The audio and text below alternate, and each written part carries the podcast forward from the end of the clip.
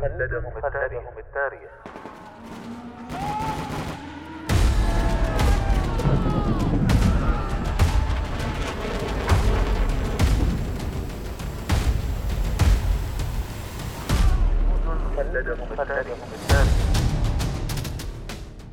كم يفخر التاريخ العسكري برجال كتبوا سيرهم في سجلاته بحروف من الجهد والتضحية والعطاء.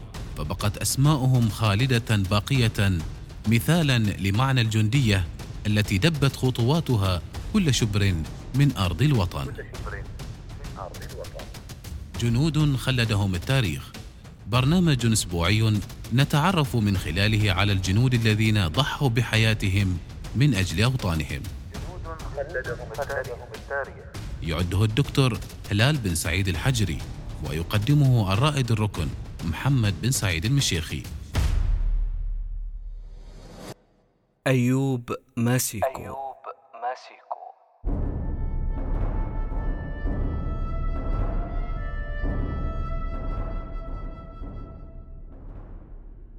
أيوب ماسيكو هو بطل جنوب أفريقي بارز في الحرب العالمية الثانية. كان عضوا في الفيلق العسكري الأصلي لجنوب إفريقيا. وحصل على الميدالية العسكرية للشجاعة. إذا كيف يمكن لعضو الفيلق العسكري الأصلي في جنوب إفريقيا وهو فيلق غير مسموح له بحمل الأسلحة النارية رسميا أن يشارك في القتال ويفوز بهذا التكريم؟ ببساطة قام بتفجير سفينة معادية. فلنستمع لقصته المدهشة.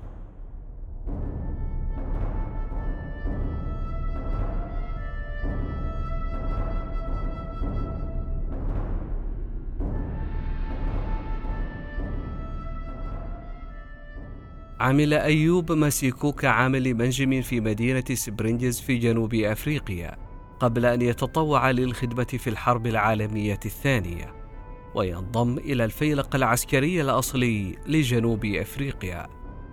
بعد الانتهاء من التدريب الأساسي تم إرساله إلى شمال إفريقيا وانضم إلى فرقة مشاة جنوب إفريقيا الثانية. تولى أعضاء الفيلق العسكري الأصلي في جنوب إفريقيا أي دور داعم في فرقة المشاة لا يتطلب التعامل مع السلاح الناري. تم تكليفهم بمجموعة واسعة من الأدوار المختلفة مثل السائقين والطهاة العسكريين والمهندسين وحاملي النقالات.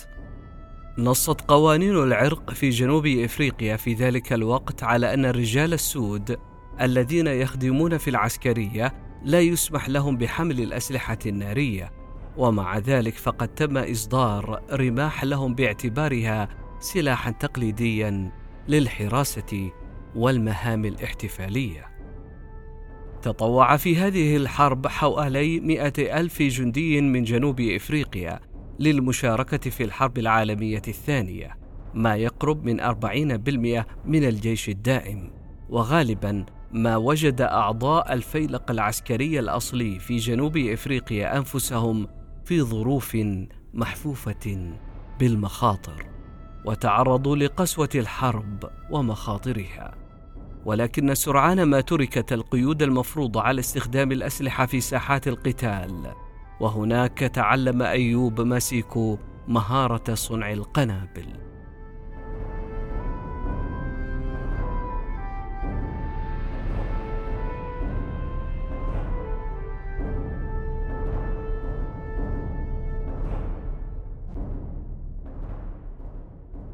في عام 1941 احتفظ الأستراليون بمدينة طبرق في ليبيا لمدة تسعة أشهر حتى انسحب القائد الألماني إرفن رومل من قوات المحور التابعة له إلى الغرب. وبعد تأمين طبرق بحلول عام 1942 قررت قيادة الحلفاء في الشرق الأوسط ترك قوة مؤقتة أصغر للاحتفاظ بالمدينة. بينما تم بناء قوة هجومية جديدة بالقرب من الحدود.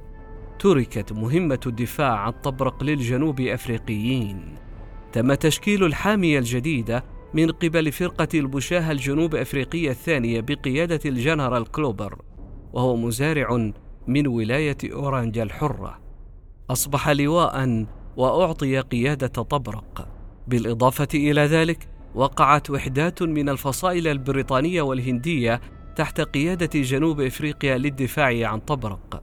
وكان بين هذه القوات بطلنا أيوب ماسيكو. من المفهوم بشكل عام أنه في هذه المرحلة كانت دفاعات طبرق في حالة سيئة حيث تم نقل الكثير من الدروع والمدفعية إلى الحدود الجديدة. ودافع الجنوب أفريقيون عن الجانبين الغربي والجنوبي من الميناء جيدا لكن الجانب الشرقي كان ضعيفا وثبت أن القتال فيه كان فاجعا. وكعادته ابتكر إيرفن رومل حيلة للاستيلاء على طبرق. اقترب المشاة فقط من المحيط الغربي بينما تقدمت قواته المتحركة بشكل استعراضي لإعطاء الانطباع بأن الدرع الألماني والإيطالي كان يتجه مباشرة إلى الحدود المصرية تم إرسال رسائل لاسلكية بهذا المعنى لإكمال الحيلة. ثم قام بتدوير قواته المدرعة المتحركة وهاجم طبرق من نقطة ضعفها المحيط الشرقي. كان ساعة الصفر هي الخامسة والعشرون دقيقة في العشرين من يونيو من عام 1942 عند الفجر. بدأت الطوابير الطويلة من الدبابات والشاحنات والمشاة بالتقدم ببطء. وقد ضغط رومل على كل طائرة من طائرات المحور في شمال إفريقيا للاستيلاء على طبرق.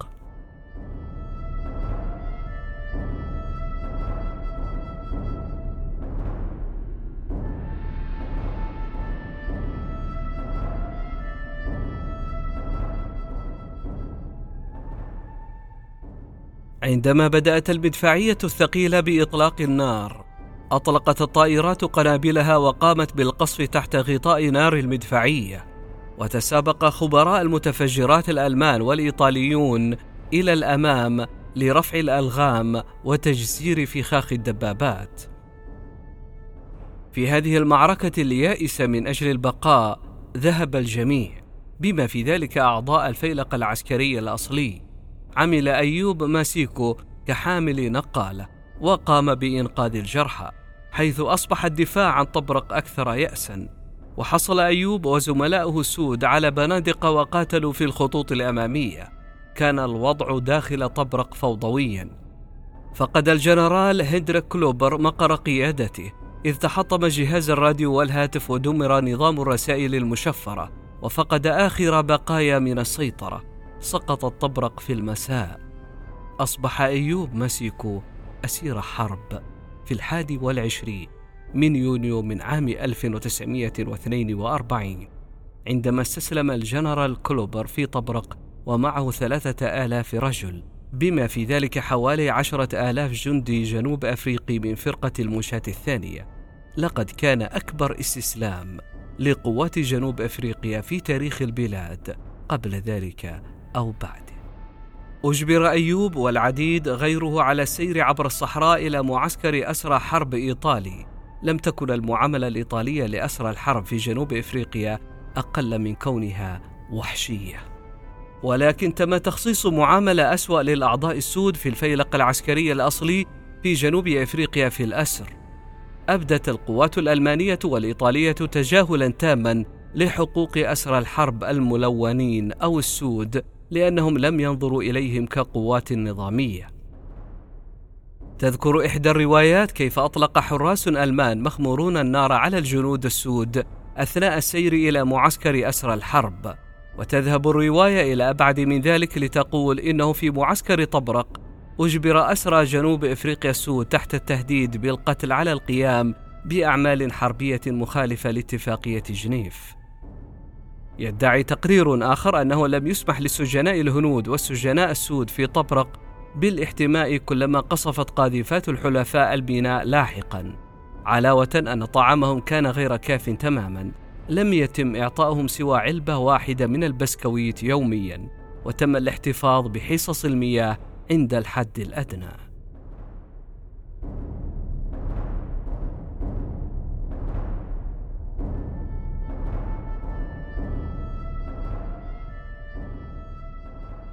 أجبرت المعاملة الوحشية لأسرى الحرب السود أيوب ماسيكو على اتخاذ إجراءات ضد خاطفيه. على حد قوله بسبب سوء معاملتنا من قبل العدو وخاصة الإيطاليين ولأنني شعرت أنه من واجبي بهذه الطريقة مساعدة شعبي. استطاع أيوب بمساعدة بعض الرفاق أثناء قيامه بواجبات السجناء الدنيوية النزول إلى الأرصفة. وهناك صنع قنبلة باستخدام علبة حليب مكثف وبارود مأخوذ من الرصاص وفتيل طويل جدا. وضع أيوب قنبلته المصنوعة منزليا في أعماق أحشاء سفينة شحن ألمانية رست في ميناء طبرق. لقد وضعها بمهارة بجوار براميل الوقود لتحقيق أقصى قدر من التأثير. وأشعل الفتيل ونجح في الهروب. لو تم القبض عليه باعتباره أسير حرب أسود لكان قد تم إعدامه بالتأكيد إذا لم يتم تعذيبه أولاً. انتظر أيوب الحادث وبعد ذلك ارتجفت السفينة من انفجار داخلي هائل وغرقت على الفور تقريبا في الميناء. بعد الحرب تمكن أيوب مسيكو من تحديد المكان المحدد الذي رست فيه السفينة ومن المؤكد أنه وجد عدد كاف من الغواصين في قاع البحر. هرب لاحقا من طبرق وسار لمدة ثلاثة أسابيع طويلة عبر الصحراء وعبر خطوط العدو وصولا إلى العالمين حيث انضم إلى المعركة هناك لأنه أصلح مذياعا ألمانيا قديما. عرف من خلاله عن معركة ملحمية يقودها الجنرال مونتغومري في العلمين. تقديرا لأفعاله البطولية حصل أيوب ماسيكو لاحقا على الميدالية العسكرية. كما حصل على توصية بمنحه وسام فيكتوريا كروس ولكن لأسباب تتعلق بالتفرقة العنصرية ولأنه كان إفريقيا لم يتحقق ذلك للأسف.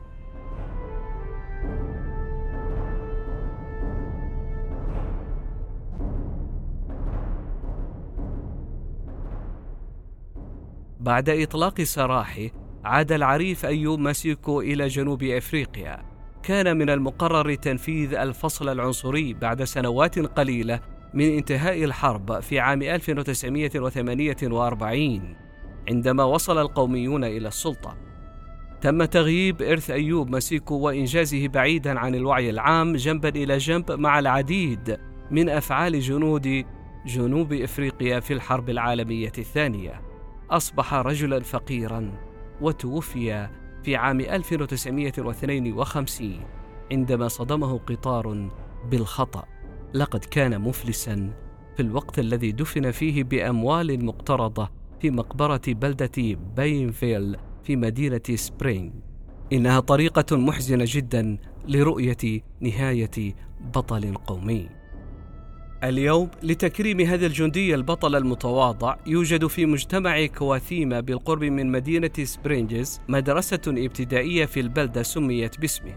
كما سمي الطريق الرئيسي الذي يربط بلدة سبرينجز ببلدة كواثيما باسمه. تم تكريمه أيضا في كل من متحف ديلفيل وود في فرنسا ومتحف جنوب إفريقيا للتاريخ العسكري في جوهانسبرغ. كما تم الآن تغيير اسم سفينة القتال الجنوب أفريقية ساسكو بيكوتزي إلى ساس أيوب ماسيكو. تقديرا لهذا الجندي الجنوب أفريقي الشجاع. وبهذا أصبح من الجنود الذين خلدهم التاريخ. خلدهم التاريخ.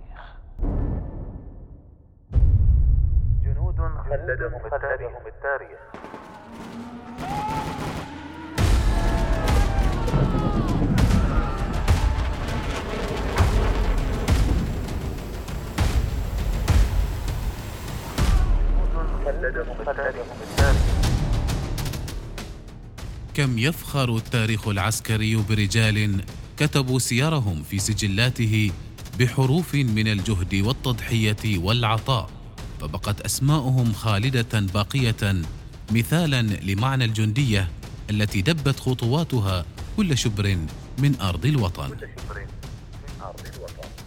جنود خلدهم التاريخ. برنامج أسبوعي نتعرف من خلاله على الجنود الذين ضحوا بحياتهم من أجل أوطانهم. يعده الدكتور هلال بن سعيد الحجري ويقدمه الرائد الركن محمد بن سعيد المشيخي.